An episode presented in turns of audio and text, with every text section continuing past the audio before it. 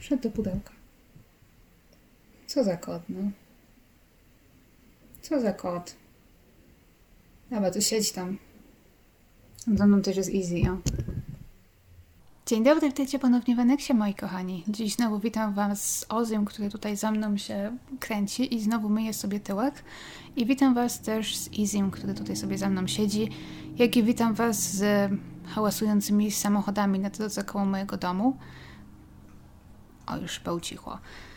Dziś przenosimy się do Montany, bo tam nas jeszcze nie było, o ile mnie pamięć nie myli. I dzisiejsza sprawa jest naprawdę przedziwna. Ja usłyszałam o niej stosunkowo niedawno, zresztą ja wspominałam też o niej krótko w poprzednim odcinku. Szukałam sobie jakiś czas temu jakiegoś, jakiegokolwiek takiego podcastu, żeby sobie czegoś wieczorem posłuchać. I akurat padło na podcast kryminalny e, na temat Barbary. Wybrałam go, ponieważ nie kojarzyłam tej sprawy wcześniej. I od tego czasu jestem nią absolutnie zafascynowana, ponieważ to jest naprawdę jedna z tych spraw, gdzie po prostu ktoś rozpływa się w powietrzu, dosłownie ktoś stoi obok drugiej osoby w jednej minucie, a w drugiej minucie go po prostu nie ma. I to jest właśnie też jedna z tych, um, z tych spraw uh, zaginięć w parkach czy w lasach narodowych w Ameryce Północnej. Jeżeli kojarzycie uh, Missing 411, czyli tą książkę e, o, i tego pana zapomniałam, jak się teraz nazywa, David Pollites chyba, który też tam właśnie pisał o tych e, i mówi dużo o tych wszystkich zaginięciach. To jest właśnie jedna z takich spraw, można ją zaliczyć do dziwnych e, zaginięć w parkach narodowych. To jest akurat las narodowy, ale niech będzie. I naprawdę jest przedziwna i muszę przyznać, że to może być najdziwniejsza sprawa, na jaką trafiłam w tym roku, powiedzmy.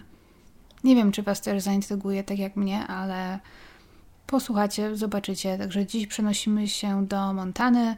To zaginięcie miało miejsce w roku 2007, czyli stosunkowo wciąż niedawno. W szczególności w porównaniu do innych spraw, jakie, jakie zwykle, jakimi zwykle zajmuję się na tym kanale.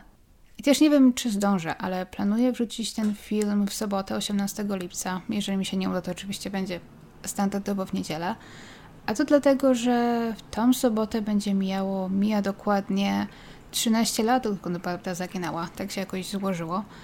Także pomyślałam, że to właśnie będzie taki bardzo dobry moment, żeby o sprawie Barbary teraz opowiedzieć. Także już bez zbędnego przedłużania na razie weźcie sobie jakieś piciu. Ze mną jest Easy, który się na nas teraz nie patrzy, bo jak już odkryliśmy w poprzednim filmie, wstydzi się kamery a koło mnie jest Ozzy, ale jego akurat nie widzicie. Dobrze, zapraszam. Zaczniemy krótko od tego, kim była Barbara i co o niej wiemy, ponieważ w zasadzie to nie wiemy wiele.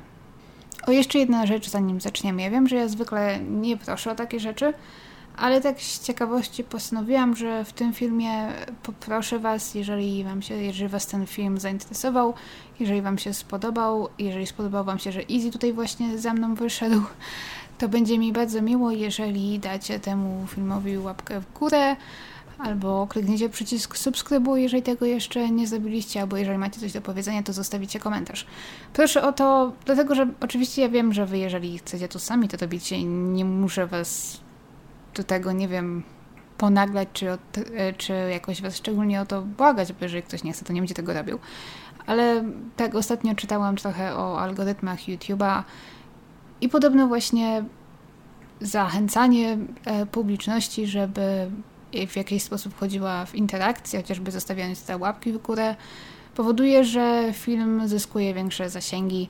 I właśnie tak, gdy sobie ostatnio o tym czytałam, to odniosłam wrażenie, że może YouTube mi trochę te zasięgi ucina. I chciałam zrobić po prostu taki eksperyment. Zobaczyć, czy jak Was o to poproszę, to czy będzie jakaś różnica, czy ten film będzie miał większe zasięgi niż zwykle, czy nie, tak z ciekawości. Ale nie naciskam oczywiście. Tak tylko chciałam zobaczyć, czy to coś zmieni, bo może coś tracę, nie, nie prosząc Was o to. Tak czy inaczej, zaczynamy, zapraszam. Barbara w 2007 roku, bo to o tym roku będziemy głównie mówić, miała 55 lat i od 6 lat mieszkała w Con Valley w stanie Montana. Barbara uwielbiała chodzić po górach.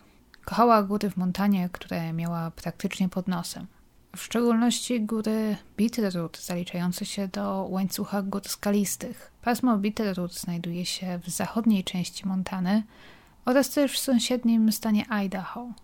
Barbara miała tam kilka ulubionych szlaków, a jednym z nich był dosyć krótki i prosty szlak Bear Creek Overlook Trail, który przeszła już wiele razy w ciągu swojego życia oraz na który lubiła zapraszać gości, jeżeli chciała im pokazać piękną góry i piękne montany.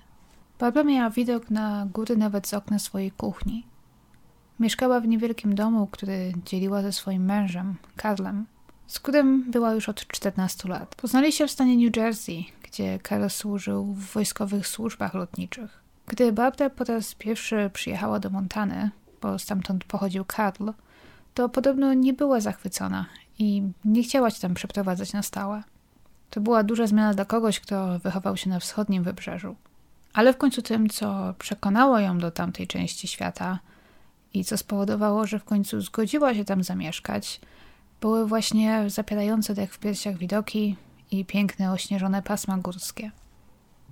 W 2007 roku oboje już wtedy z Karlem byli na emeryturze i przenieśli się z Dylan, gdzie wcześniej mieszkali, do innego niewielkiego miasta Montany, Cornwall, które liczy sobie zaledwie około tysiąca mieszkańców.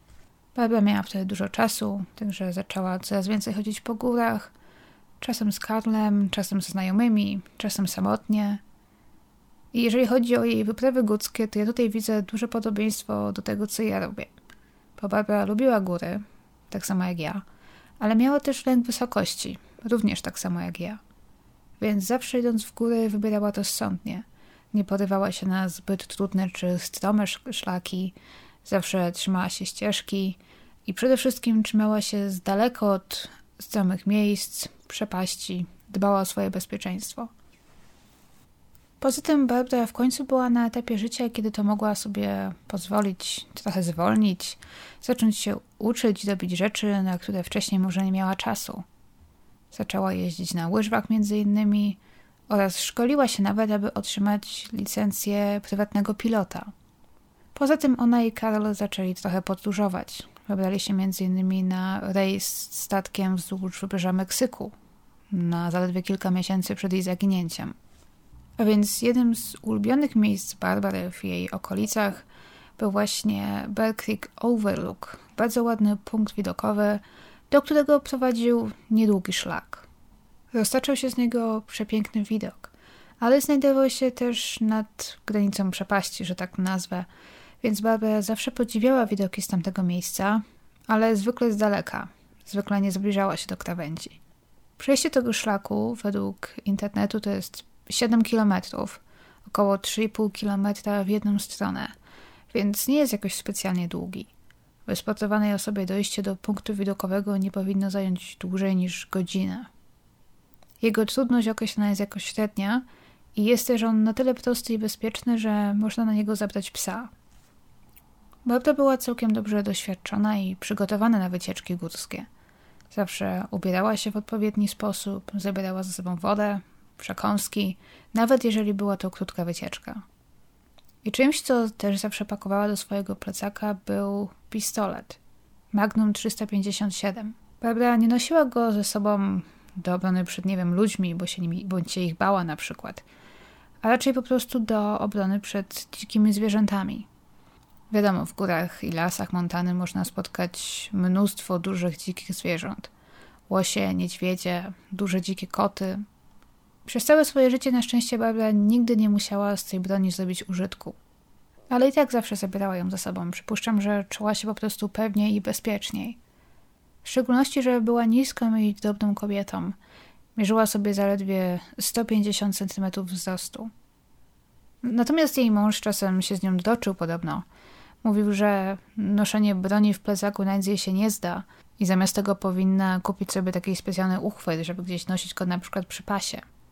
Bo jeżeli nagle stanęłaby oko w oko z dzikim zwierzęciem, to pewnie miałaby bardzo mało czasu, aby tą broń wydobyć, odbezpieczyć, a już w szczególności jeżeli byłaby w stresie i w panice. I w lipcu 2007 roku Nadeszła kolejna okazja dla Barbary, żeby kogoś właśnie na ten swój ulubiony szlak zabrać i żeby komuś pokazać piękne Montany. Bo wtedy przyjechała do niej w odwiedziny kuzynka Karla z Kalifornii, Donna, która przywiozła ze sobą swojego nowego partnera, 58-letniego Jima Remakera. Barbara była podobno podekscytowana faktem, że mają gości. I prędko wpadła na pomysł, że właśnie powinna ich zabrać w góry. Oczywiście postanowiła, że zabierze ich właśnie na Bear Creek Lookout. Był to dobry wybór, ponieważ szlak nie był zbyt trudny i wymagający, a piękny widok dostarczający się z góry zawsze na wszystkich robił wrażenie. Tona i Jim przystali na propozycję, spodobał mi się ten pomysł i cała trójka postanowiła, że następnego dnia z samego rana właśnie ruszą w góry. Tak, aby wrócić do domu z powrotem gdzieś na lunch. Karl niestety musiał zostać w domu. Zdrowie nie pozwalało mu już na wycieczki po górach. Kiedyś bardzo lubił towarzyszyć Barbrze w jej eskapadach, ale niestety kilka lat wcześniej przeszedł zawał serca, po którym musiał porzucić większość fizycznych aktywności. I tak też nadszedł poranek następnego dnia. To była środa, 18 lipca dokładnie. Wtedy też ich plany trochę się pozmieniały. Cała czwórka wieczór wcześniej zdoła kolację, przy której podobno polało się trochę alkoholu. Nie było to oczywiście jakieś wielkie pijaństwo, każdy tam może wypił kilka drinków, ale Dona podobno trochę z nimi przesadziła i stwierdziła rano, że niestety nie czuje się na siłach, aby iść w góry. Postanowiła, że zostanie w domu. Barbara i Jim jednak czuli się dobrze i postanowili, że oni wciąż wybiorą się na wycieczkę. Także opuścili dom Barbary i Karla w Corvallis gdzieś pomiędzy 8.30 a 9 rano. Karl jeszcze spał, gdy Barbara przyszła go obudzić, aby mu powiedzieć, że razem z Jimem jadą na umówioną wcześniej wycieczkę. Powinni wrócić przed południem. Karl powiedział im, że nie muszą się jakoś szczególnie spieszyć z powrotem, ponieważ to on tego dnia będzie gotował obiad. Karl zapamiętał, że jego żona była ubrana w kolorową podkoszulkę i krótkie spodenki. Miała ze sobą swój plecak, a w nim swoje Magnum 357. Także Barbara i Jim wyruszyli. Pojechali samochodem Jima, Chevroletem Blazerem, który ten wynajął na czas pobytu w Montanie. Szlak Bear Creek znajduje się w pobliżu miasta Victor, około 16 km od Cornwallis, więc dotarcie tam zajęło im prawdopodobnie około 10 minut. I w wielu relacjach można przeczytać, że już kilka godzin później, około południa, Donna zaczęła się poważnie martwić o Jima i Barbara. Przejście szlaku w dwie strony powinno im zająć jakieś dwie godziny. Może dwie i pół, jeżeli szliby bardzo wolno i gdzieś się zatrzymywali. Dojazd i powrót były szybkie, więc powinni byli już wrócić. Ona oczekiwała ich gdzieś około 11 lub po 11. Więc gdy doszło 12, to zaczęła się martwić. Ale Karl zbywał te wszystkie jej objawy. Jego żona znała tamten szlak jak własną kieszeń. Poza tym nie był trudny, no i byli tam we dwoje. Cóż złego mogłoby im się stać? Więc Karl poszedł dalej zajmować się jednym ze swoich hobby, którym była stolarka. I w końcu gdzieś już po 14 Dona nie mogła usiedzieć w miejscu z nerwów. Nie ma o niej zbyt wielu informacji, ale mam wrażenie, że była dosyć nerwową osobą. Dona naciskała, aby Karl coś zrobił, gdzieś zadzwonił, zaczął ich szukać. Chciała, żeby wsiedli w samochód i sami pojechali ich szukać. I z tego też wnioskuję, że ani Jim, ani Barbara nie mieli ze sobą telefonu komórkowego. Przecież wtedy mogliby po prostu do nich zadzwonić. Albo może i mieli, ale w tamtych stronach zwyczajnie nie było zasięgu. Tak czy inaczej, Dona nawet nie zdążyła przekonać Karla, że powinni coś zrobić, bo krótko po 14 w ich domu zadzwonił telefon. Karl odebrał i po drugiej stronie usłyszał głos kobiety, która przedstawiła się i powiedziała, że jest pracowniką parku, do którego Barbara i Jim pojechali. Kobieta powiedziała coś, czego Karl podobno na początku nie zrozumiał albo i nie zaakceptował. Okazało się, że Jim zgłosił, że Barbara zaginęła podczas ich krótkiej wycieczki. Carl i Donna jakoś jeszcze nie rozumieli wtedy, co się dzieje, ale przypuszczam, że w tamtym momencie Donna mogła mu pewnie powiedzieć coś w stylu a nie mówiłam. Karl był podobno zdziwiony. Powiedział później, że jeżeli miałby zakładać, że ktoś z nich zginie na tym szlaku albo gdzieś się zgubi, to prędzej byłby to Jim, a nie Barbara. No ale cóż, umówili się, że spotkają się z przedstawicielką parku tuż przed wejściem na szlak – Wsiedli w samochód i ruszyli w drogę. Na miejscu spotkali czekających na nich Jima i pracowników parku. Jim opowiedział im następującą historię. Jim i Barbara doszli do końca szlaku, doszli do tego punktu widokowego, gdzie podziwiali widoki. Jim stał bliżej krawędzi, a Barbara trochę dalej, za nim. Jim był odwrócony do Barbary plecami jakieś 40 sekund, może minutę najwyżej. I gdy odwrócił się w jej stronę, to już nigdzie jej nie było. Na początku nie był jakoś szczególnie zaniepokojony. Zaczął schodzić w dół szlakiem i zaczął jej szukać. Założył, że może ona już powoli zaczęła zmierzać w drogę powrotną bez niego. Ale przeszedł cały szlak od końca do początku i nigdzie jej nie znalazł. Wyszedł ze szlaku, sprawdził koło samochodu, no bo jeżeli by się zgubili czy gdzieś rozdzielili, no to rzeczywiście chyba najlepszym rozwiązaniem byłoby wyjść z lasu i czekać na siebie nawzajem koło samochodu. Zagadnął też robotników, którzy pracowali przy drodze na wejściu do szlaku, ale oni też niczego nie widzieli. Jeden z nich nawet poszedł z Jimem do samochodu, aby jeszcze raz sprawdzić, czy Barbara gdzieś tam na, na pewno na niego nie czeka. Ale niestety nigdzie na dole jej nie było.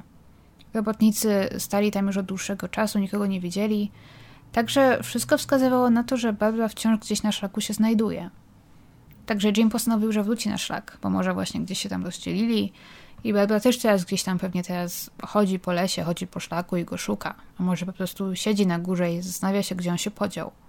Także Jim przeszedł szlak jeszcze raz. Doszedł do samej góry, ale niczego, nikogo tam nie znalazł, także zszedł z powrotem na dół i zdał sobie sprawę, że chyba trzeba wezwać pomoc.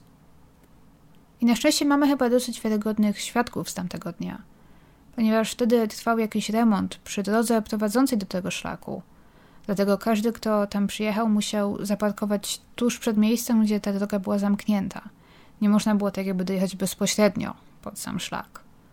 I tamtego dnia, gdzieś po dziewiątej rano, z tego co pamiętam, na miejscu pojawili się robotnicy.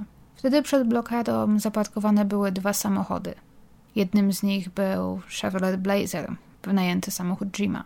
Czyli Jim i Barbara byli już o tej porze na szlaku a obok ich samochodu zaparkowane było jeszcze jedno auto. Z tego co przeczytałam, to niestety żaden z robotników nie zapamiętał, jaka to była marka. I niedługo po tym, gdy ci pracownicy rozpoczęli swoją pracę, to ze szlaku zeszło dwóch turystów. Byli to dwaj mężczyźni, opisani później jako raczej młodzi, opaleni, niczym szczególnym się nie wyróżniający. Mieli ze sobą małego czarnego psa.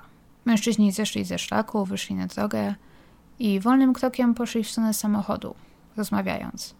Ich pies był spuszczony ze smyczy i biegał sobie wesoło po krzakach. W końcu mężczyźni spakowali psa do samochodu i pojechali. A jakiś czas później, prawdopodobnie 30-40 minut później może, ze szlaku zszedł samotny mężczyzna, Jim jak się okazało, który właśnie podszedł do nich i zapytał, czy nie widzieli może kobiety z czarnym plecakiem. Na co ci pracownicy musieli mu odpowiedzieć, że niestety nie, nie widzieli żadnej kobiety. Wtedy Jim właśnie wrócił na szlak, przeszedł go jeszcze raz, po czym wrócił z powrotem do robotników i powiedział, że potrzebuje pomocy i poprosił, żeby wezwali mu jakiegoś leśniczego czy ratowników, kogoś, kto może mu pomóc, ponieważ najwyraźniej Barbara gdzieś zaginęła. I to, co w tej historii jest właśnie tak dziwne i nie daje mi spokoju, to to, że Jim zupełnie nie potrafi wyjaśnić, co i jak mogło się stać. On był przekonany, że był odwrócony od Barbary plecami najwyżej minutę – więc ona w tym czasie nie mogła odejść daleko. Nie słyszał też niczego dziwnego, żadnego hałasu, krzyku, jęku, niczego, co mogłoby wskazywać na to, że nie wiem, jakby została uprowadzona, zaatakowana, przewróciła się, spadła, nic takiego. Jim powiedział, że gdy on i Barbara dotarli na szczyt, to spotkali tam tych dwóch mężczyzn, których też później widzieli robotnicy na dole. On i Barbara podobno wymienili tam z tymi mężczyznami jakieś uprzejmości, coś w stylu how are you i tyle. Jimmy i Barbara siedzieli przez jakiś czas na skałach, podziwiali widoki i jedli jakieś przekąski, które Barbara przyniosła ze sobą. Mężczyźni zaczęli schodzić ze szczytu pierwsi, a Barbara i Jim mieli zejść zaraz po nich. Gdy tamci mężczyźni już odeszli, to Barbara i Jim wstali i zaczęli się zbierać. Mieli już iść, Barbara już zmierzała w stronę szlaku, gdy Jim postanowił odwrócić się jeszcze na chwilę, aby spojrzeć po raz ostatni na piękny widok. Barbara była wtedy jakieś najwyżej 6-7 metrów za nim na ścieżce. I z tego co rozumiem, to ona już miała iść powoli szlakiem w dół. I gdy Jim odwrócił się z powrotem, to zupełnie zniknęła mu z oczu. Nigdzie jej nie było, nigdzie nie udało mu się jej odnaleźć.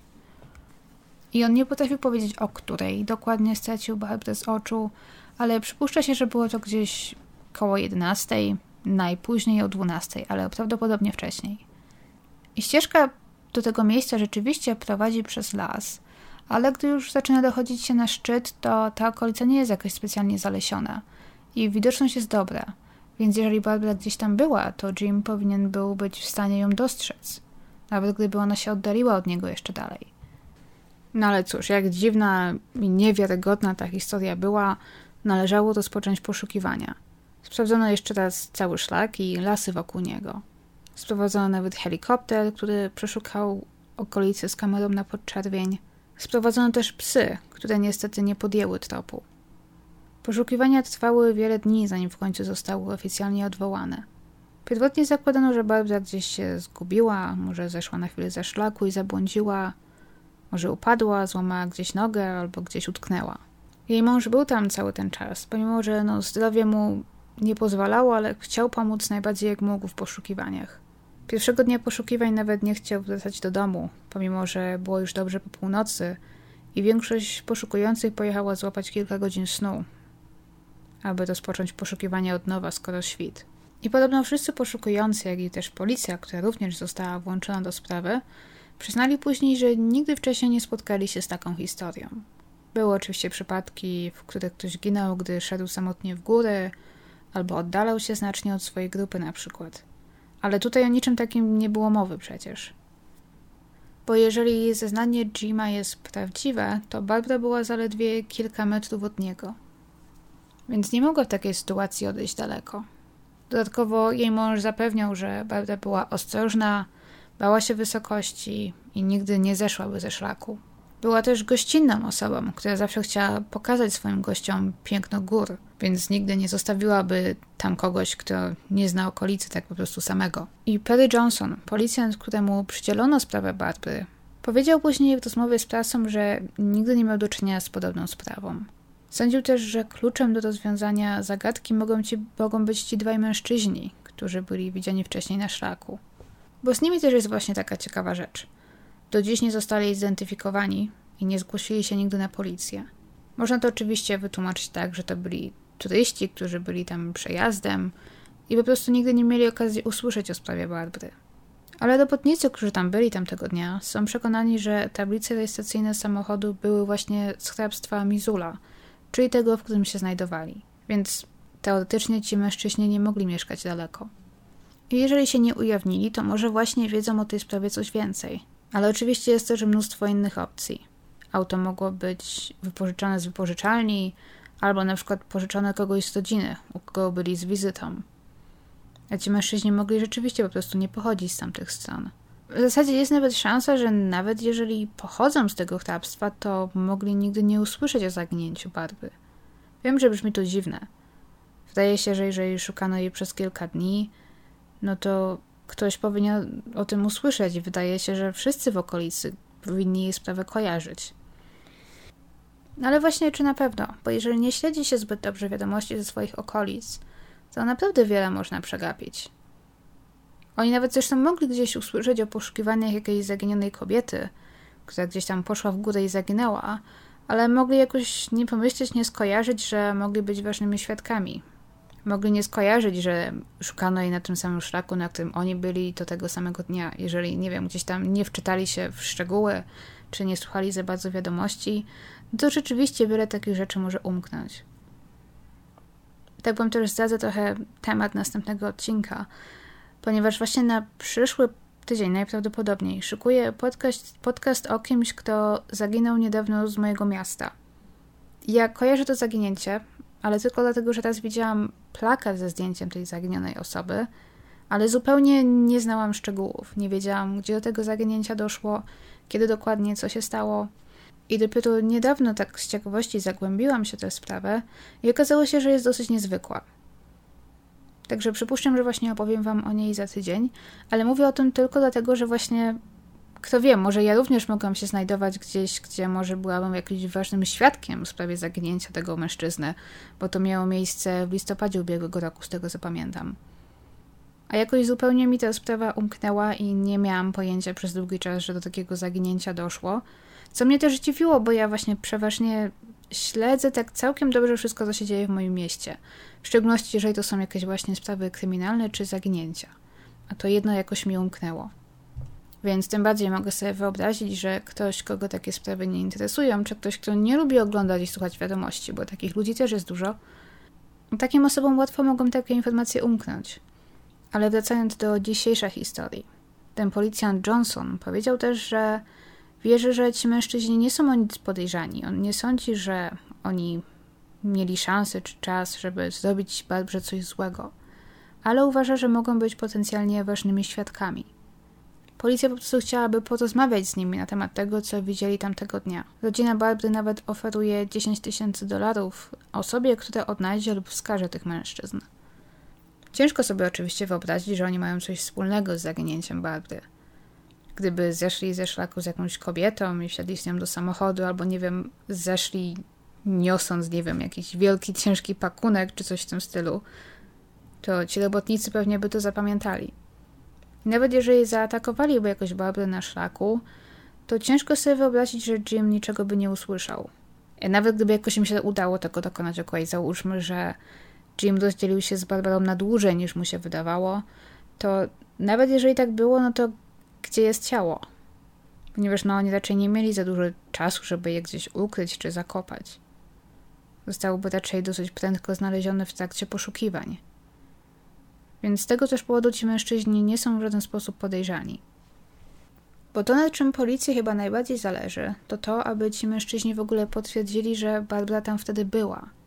Bo zauważcie, że jak na razie jedyną osobą, która twierdzi, że Barbara w ogóle weszła na ten szlak i tam była tamtego dnia, jest Jim Remaker. Co oczywiście czyni go lekko podejrzanym, ale Perry Johnson zapewnia, że Jim jest uznawany jedynie za świadka. Współpracował z policją, po jakimś czasie oczywiście musiał wrócić do Kalifornii, gdzie mieszka i pracuje, ale poza tym pozostał w kontakcie z policją, odpowiadał na ich wszystkie pytania, telefony. Nic tutaj nie kręcił, że tak powiem, a jego historia, może niezwykła, ale poza tym trzyma się kupy i pasuje do zeznań wszystkich innych osób zamieszanych w sprawę jak na razie. Jim też nigdy nie zmienił swojej wersji wydarzeń, czy tam, nie wiem, nie zaczął dodawać jakichś nowych szczegółów po czasie. Nic z tych rzeczy, które często widzimy właśnie, gdy ktoś kłamie lub zmyśla jakąś historię. Poza tym Johnson dodał też, że nie ma najmniejszego dowodu, czy jakiegokolwiek śladu na to, że Jim mógł zrobić cokolwiek Barbarze. No i właśnie, pomówmy trochę o tym, co mówią nam ślady i dowody, czy może raczej co mówi nam ich brak. Bo jeżeli założymy, że Jim mówi prawdę, to co mogło się tam stać? Szanse, że Barbara została uprowadzona lub zaatakowana przez jakieś dzikie zwierzę są raczej dosyć niskie. Ciężko wierzyć, że Jim niczego by nie usłyszał. Ale okej, okay, pamiętajmy jednak, że w górach to ile słyszymy zależy od warunków i od wielu czynników. Na przykład silny wiatr wiejący w przeciwnym kierunku mógłby na przykład stłumić wiele dźwięków czy krzyków. Ale przede wszystkim znaleziono by jakieś ślady walki, czy rzeczy Barbry albo krew a wielokrotnie podkreślano, że na szlaku i w jego okolicach nie znaleziono zupełnie niczego. Żadnych dowodów, że Barbara w ogóle tam była. Gdyby to było jakieś dzikie zwierzę na przykład, które gdzieś tam, nie wiem, odciągnęło, zaatakowało, no to byłyby potem jakieś ślady. Byłaby krew, no i przede wszystkim zwierzęta nie zjadłyby wszystkiego. Znaleziono by jej plecak, ubrania, buty, broń, a tu nic. Nie jest to oczywiście zupełnie wykluczone, ale raczej uważa się ten pomysł za mało prawdopodobny. Inna opcja jest też taka, że Barbara jakimś cudem zagapiła się i zeszła ze szlaku. Istotnie znała dobrze ten szlak, ale nigdy wcześniej z niego nie zeszła i nie znała okolicznych lasów. Nie wiem, jak ten szlak wyglądał w 2007 roku. Niestety na Google Maps czy na Google Earth nie ma zbyt wielu zdjęć, nie mówiąc już o Google Street View na przykład. Ale gdy patrzę na zdjęcia satelitarne, to z góry przynajmniej ten szlak nie jest zbyt wyraźnie zaznaczony. Więc może jest gdzieś tam możliwość, że jak ktoś idzie, może nie myśląc o tym szczególnie, gdzie dokąd zmierza, bo jest zamyślony na przykład, albo jest zmęczony, to może gdzieś zejść ze ścieżki i nagle się zorientować, że nie ma pojęcia, gdzie jest i jak się tam znalazł. Zdarzało się też tak czasem, że ludzie w takich przypadkach próbowali odnaleźć drogę powrotną – lecz w rzeczywistości oddalali się jeszcze bardziej od miejsca, w którym byli na początku i nieświadomie wychodzili poza strefę objętą poszukiwaniami. Dlatego właśnie często poleca się, aby w takiej sytuacji, gdy gubimy się gdzieś w lesie, ale wiemy, że ktoś zaraz zacznie nas szukać, powinniśmy spróbować zostać w miejscu i czekać, aż nas znajdą. To wydaje się gdzieś tam zaprzeczeniem naszego naturalnego instynktu i logiki, albo aby tak po prostu siedzieć i czekać, gdy jesteśmy w terapatach. Każdy wręcz przeciwnie, zacząłby chodzić, szukać, próbować znaleźć drogę powrotną. Ale z tego, co czytałam, to właśnie siedzenie w miejscu to może być często najlepsze wyjście, bo w innym przypadku właśnie ryzykujemy, że oddalimy się za bardzo, albo gdzieś tam poniekąd umkniemy grupom poszukiwawczym. Ale to znów jest hipoteza, której nie uważam za zbyt prawdopodobną, ponieważ Babda była, że tak to ujmę, stosunkowo blisko cywilizacji. I w jakim kierunku by nie poszła, to w końcu by z tego lasu wyszła. Gdyby poszła na wschód, to wyszłaby z lasu i doszła do drogi. Gdyby poszła na południe, to doszłaby do zbocza samej góry i musiałaby zawrócić. Gdyby poszła na zachód, to w końcu doszłaby w okolicy tego punktu widokowego, gdzie również jest stromo jest przepaść i znów musiałaby wrócić, no i też dałoby jej wyobrażenie, w którym miejscu się znajduje i w którym kierunku musi iść, aby wyjść z tego lasu. A gdyby znów poszła na północ, to dotarłaby do wielu innych szlaków, które znów dałoby jej wyobrażenie, gdzie jest i jak ma z tego lasu wyjść. I wiem, że mówi się, że Barbara była doświadczona i bywała tam wiele razy wcześniej, więc nie miała prawa się tam zgubić. Ale ja chyba muszę zauważyć, że to jest coś, co chyba nawet doświadczonej osobie może się przydarzyć i przydarzało się w przeszłości. Ale wciąż nie sądzę, że to jest to, co rzeczywiście miało miejsce. Poszukiwanie rozpoczęto praktycznie natychmiastowo. To nie jest, nie wiem, sytuacja, w której zorientowano się dopiero po kilku dniach, że ktoś zaginął. Czy po kilku godzinach nawet. Więc Barbara nie mogła odejść za daleko.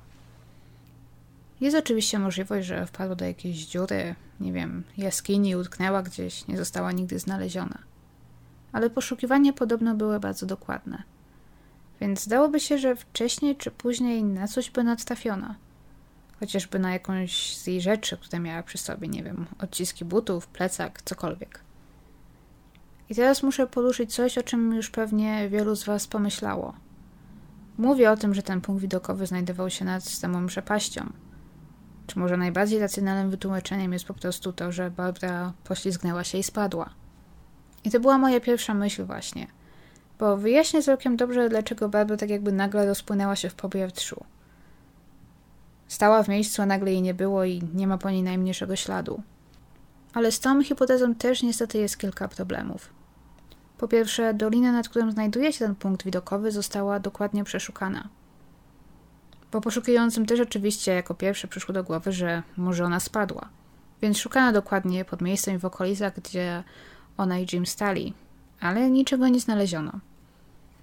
Poza tym z relacji Jima wynika, że on odwrócił się, aby spojrzeć na widok dostaczający się z tego punktu widokowego, więc on stał twarzą, przodem do krawędzi, a Barbara była za nim gdzieś na ścieżce.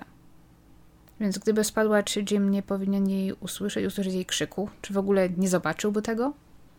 Ale tutaj znów, jeżeli było to bardzo nagłe, Babda mogła nawet nie zdążyć krzyknąć, albo ze względu na panujące warunki coś mogło stłumić jej krzyki. Właśnie ten silny wiatr na przykład. I muszę też zauważyć, że Jim twierdzi, że stał odwrócony do Barbary plecami około 40 sekund, maksymalnie jedną minutę. I myślę jednak, że jest możliwe, że to było trochę dłużej. Często w takich sytuacjach tracimy poczucie czasu i mimo, że wydaje nam się, że coś trwało zaledwie kilka sekund, to w rzeczywistości mogło trwać dłużej. Zastanawiam się, czy właśnie Barbara może widziała, że Jim zatrzymał się na chwilę i patrzy jeszcze na widok, więc ona również się zatrzymała. Może zaczęła iść w jego stronę, albo podeszła zbyt blisko krawędzi gdzieś w innym miejscu i niestety spadła. Ale musiałabym chyba tam być i zobaczyć, gdzie dokładnie stał Jim, gdzie według niego była Barbara, gdzie ją po ostatni widział, jak to wszystko tam wygląda i czy rzeczywiście było możliwe, że ktoś tam spadł, tak że Jim by tego nie zauważył. Ze zdjęć zamieszczonych głównie w internecie na Google Maps i też na stronie All Trails widać, że przy krawędzi jest, że tak tu ujmę trochę tam wyboiście, z braku lepszego słowa. Dużo skał, kamieni, więc potrafię sobie wyobrazić, że ktoś się potknie i poślizgnie na przykład Ale też, gdy patrzyłam na zdjęcia z tamtego miejsca, to chyba muszę przyznać, że jest możliwe moim zdaniem, że ktoś tam spadnie i nie zostanie nigdy znaleziony. Niestety tego nie widać dobrze na zdjęciach satelitarnych z Google Maps, ponieważ tak wtedy padał cień, że akurat to, co znajduje się pod punktem widokowym, jest no, zacienione i nic tam nie widać. Ale gdy patrzymy na zdjęcia, które ludzie właśnie wrzucają do internetu, to już wygląda to trochę inaczej. Dla tych, którzy nie widzą zdjęć, pozwólcie, że jako taka wam to opiszę. To nie jest taka, że tak ujmę to, prosta przepaść pod kątem 90 stopni, że wszystko, co spadnie, ląduje od razu gdzieś tam na dole na płaskim terenie. U szczytu stok rzeczywiście jest nachylony pod kątem 90 stopni, ale to się szybko zmienia, nie wiem, w 80, 70, 60 stopni. Jest tam dużo skał, krzaków, zakamarków, trudno dostępnych miejsc. Więc potrafię sobie wyobrazić, że jeżeli ktoś tam spadnie, to może utknąć w jakimś niewidocznym, niedostępnym miejscu. Wiem, że te okolice przeszukano, wykorzystano helikopter, ale w sumie kto wie, może wciąż są tam jakieś zakamarki, do których człowiek po prostu nie może się dostać i które nie są widoczne z helikoptera. Ale znowu z drugiej strony wierzę, że profesjonalne grupy poszukiwawcze potrafiłyby ocenić, czy są tam miejsca, do których nie mogą się dostać, a w których Barbara może być. Mam nadzieję, że wiecie o co mi chodzi. Ale oczywiście musimy też rozważyć, co mogło się wydarzyć, jeżeli Jim jednak kłamie. Ponieważ mamy tylko jego słowa na potwierdzenie tego, że Barbara w ogóle tam była tamtego dnia. Pojawiła się sugestia, że Barbara i Jim mogli wyjść z domu i Jim zrobił coś Barbrze i porzucił ją gdzieś indziej. Może wykorzystał przeciwko niej jej broń na przykład. Ale jeżeli tak, to ciężko powiedzieć, jaki Jim miałby mieć motyw. Bo z tego, co zrozumiałam, to on ledwo znał Barbara i Karla.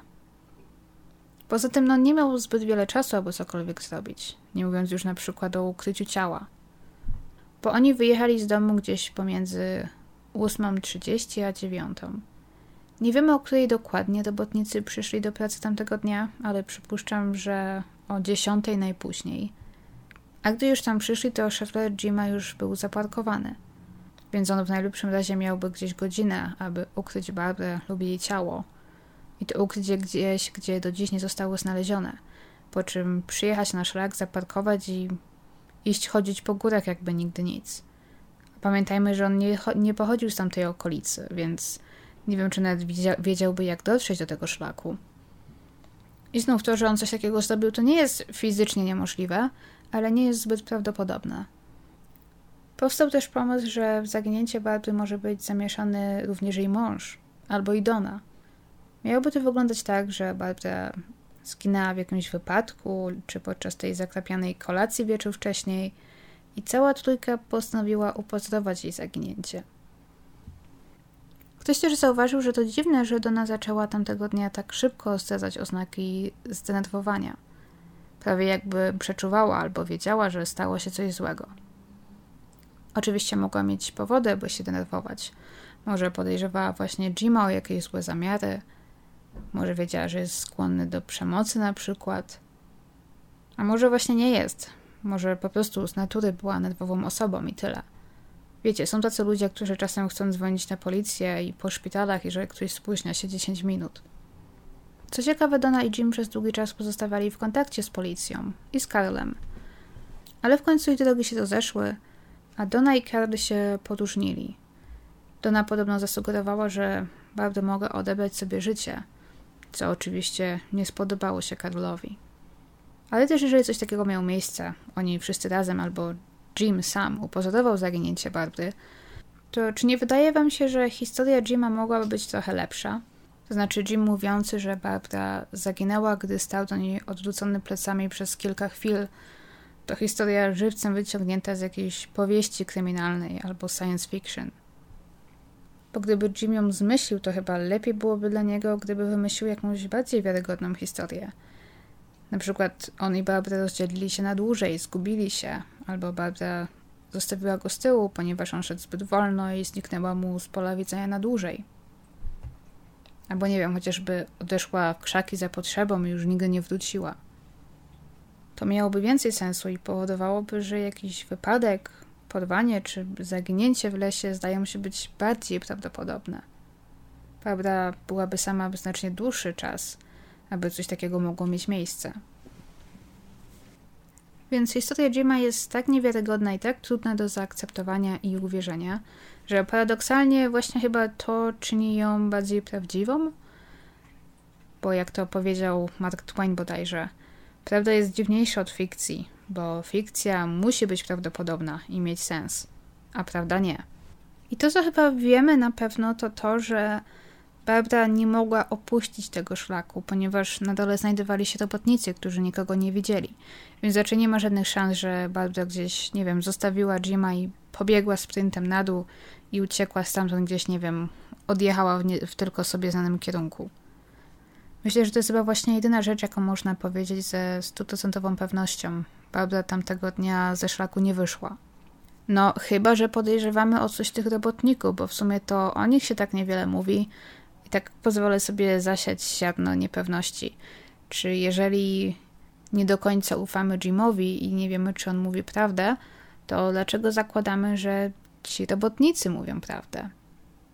Wiecie, chyba właśnie te zaginięcia, gdy ktoś ginie w jakimś niezwykle krótkim przedziale czasowym, są tymi najbardziej zadziwiającymi. Bo jeżeli ktoś tam był w górach kilka godzin sami zaginął, zaginął, no to rzeczywiście nie wiemy, co się dokładnie stało, nie wiemy z którego miejsca, nie wiemy, gdzie zacząć szukać, więc jest to trochę inna sytuacja. Ale tutaj Barbara znajdowała się w jednym miejscu, a po kilku chwilach już jej nigdzie nie było. Swoją drogą znowu tak trochę jak Mora Mary. Nie wiem czemu, ale powiem wam, odkąd zrobiłam ten podcast o Morze Mary, to w każdej sprawie widzę jakieś podobieństwa do jej sprawy. Wszystko mi się teraz z nim kojarzy. I nie wiem, czy Karl wciąż mieszka w tym samym domu, w którym mieszkał w roku 2007, czy może się przeprowadził. Ponieważ z okna i w kuchni podobno widać górę, na której Barbara zaginęła. Więc przypuszczam, że ciężko było mu wstawać rano, wchodzić do kuchni, aby zrobić sobie kawę i codziennie patrzeć na miejsce, gdzie jego żona przepadła jak kamień w wodę. I to jest po prostu chyba jedna z tych spraw, gdzie jaką opcję sobie nie założymy, jaką hipotezę sobie nie założymy, e, czy założymy, że nie wiem, mąż jest winny, ten kolega jest winny, kuzynka jest winna, czy Barbara zaginęła, czy to był wypadek, czy ona uciekła, nie wiem, jaką opcję sobie nie wybierzemy, gdy zaczniemy ją dopasowywać do wszystkiego tego, co wiemy, do relacji świadków, do dowodów, to cały czas coś nie pasuje moim zdaniem. Tak jakby nie ma takiej jednej hipotezy, która układałaby się w ładną, spójną całość. To znaczy, może wy na jakąś wpadniecie, mnie się jeszcze nie udało. Także oczywiście, jeżeli macie jakieś ciekawe pomysły, które wydaje wam się tutaj nie poruszyłam, to oczywiście zapraszam, piszcie komentarze, chętnie posłucham, nie macie naprawdę świetne pomysły. I cóż, to chyba tyle na dziś. Dziękuję Wam bardzo za słuchanie, dziękuję za oglądanie. Jestem też ciekawa, czy Was ta sprawa zafascynowała tak samo jak mnie, czy, czy może przesadzam. Także dziękuję, do zobaczenia i słyszymy, widzimy się za tydzień. Pa!